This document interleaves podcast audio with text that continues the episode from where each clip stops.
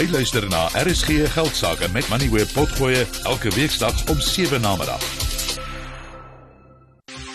RSG Geldsaake met Money Web elke weeksaand tussen 6 en 7.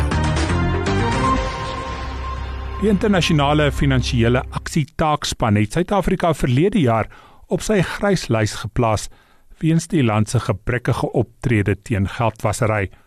In November was daar nog 5 dele van die kommerlys wat die land moes aanspreek om van die lys gehaal te word.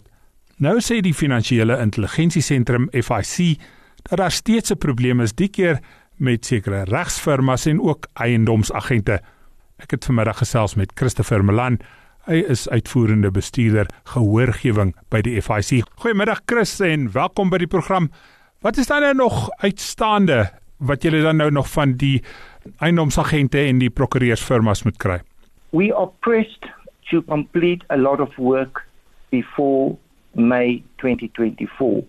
The most important issue is that we need to identify the higher risk entities in our sectors, in particular estate agents and lawyers. And we do that through a process where we use their returns, their risk and compliance returns. That needs to be in with us ASAP. We are well out of time. It is only once we have all of them in, we are able to draw the proper risk profiles of which of them are high, which will enable us to do the second leg, the B part, inspect the high risk entities. And for that, we have a deadline of September 2024. But you will realize that if we do not get all the risk and compliance returns in ASAP, we will not be able to meet the May 2024 deadline. Jy sê julle tyd is reeds verstreke.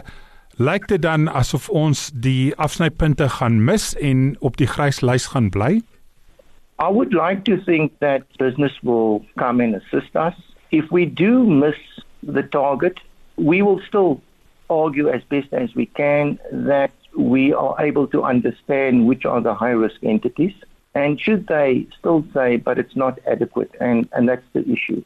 We would then have one more opportunity, we would think.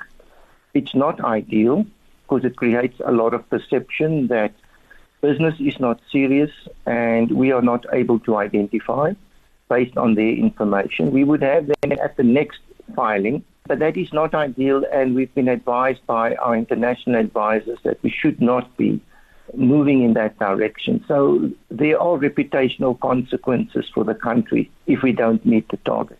So waarom is dit spesifiek hierdie twee sektore wat sukkel? Julle het van tevore al verwys dat dit 'n wesenlike probleem is die regsfirmas en die eiendomsagente. Waarom sukkel hulle dan om die inligting by julle te kry? Well, they are large sectors, and I think that's first and foremost the issue. As for the information, they all have the information, they are required to have the information uh, because they need it for their risk and compliance program. We are hoping that it is not an issue that these sectors and businesses have no concern about meeting their compliance obligations. But there comes a point in time where the indications are that, notwithstanding all our efforts, there appears to be a reluctance, because that's the only explanation we can attend to this, that, that for some reason these, these sectors have not yet rallied behind the grey listing story to help the country get off the grey list by performing a very simple process of completing a risk and compliance return and sending it to the FIC. So wat skuil agter hierdie huiwering? Is hulle besig om geld te was? Want as hulle besig is om geld te was, gaan hulle tog nie die inligting aan julle gee nie. Well, I don't think uh, we can make those conclusions. I think it's an issue of education and willingness to participate. So definitely we cannot at this stage say it's because um, of Alpastre and things like that. Definitely not.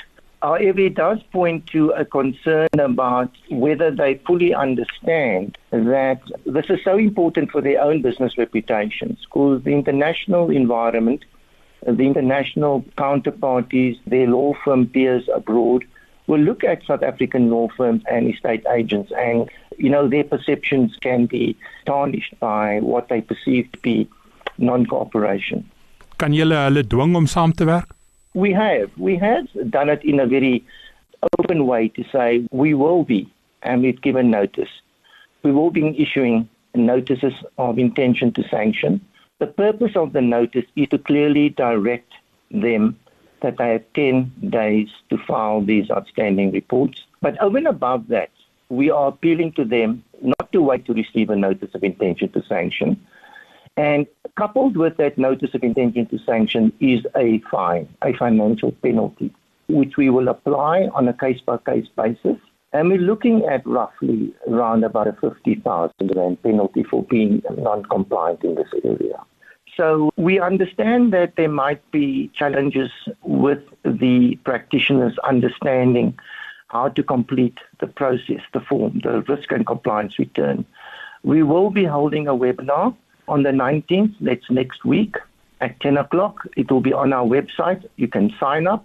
And if the interest is great enough, we do not mind repeating that and repeating it so that, you know, we have done our utmost to assist these two industries in particular because they are deemed to be high risk. And that is why we are giving them particular attention because the fact that he's telling us, please pay attention to your estate agents and your lawyers. But we will assist them, but they should also work with us to assist us. Baie dankie Christopher, dit was Christopher Milan.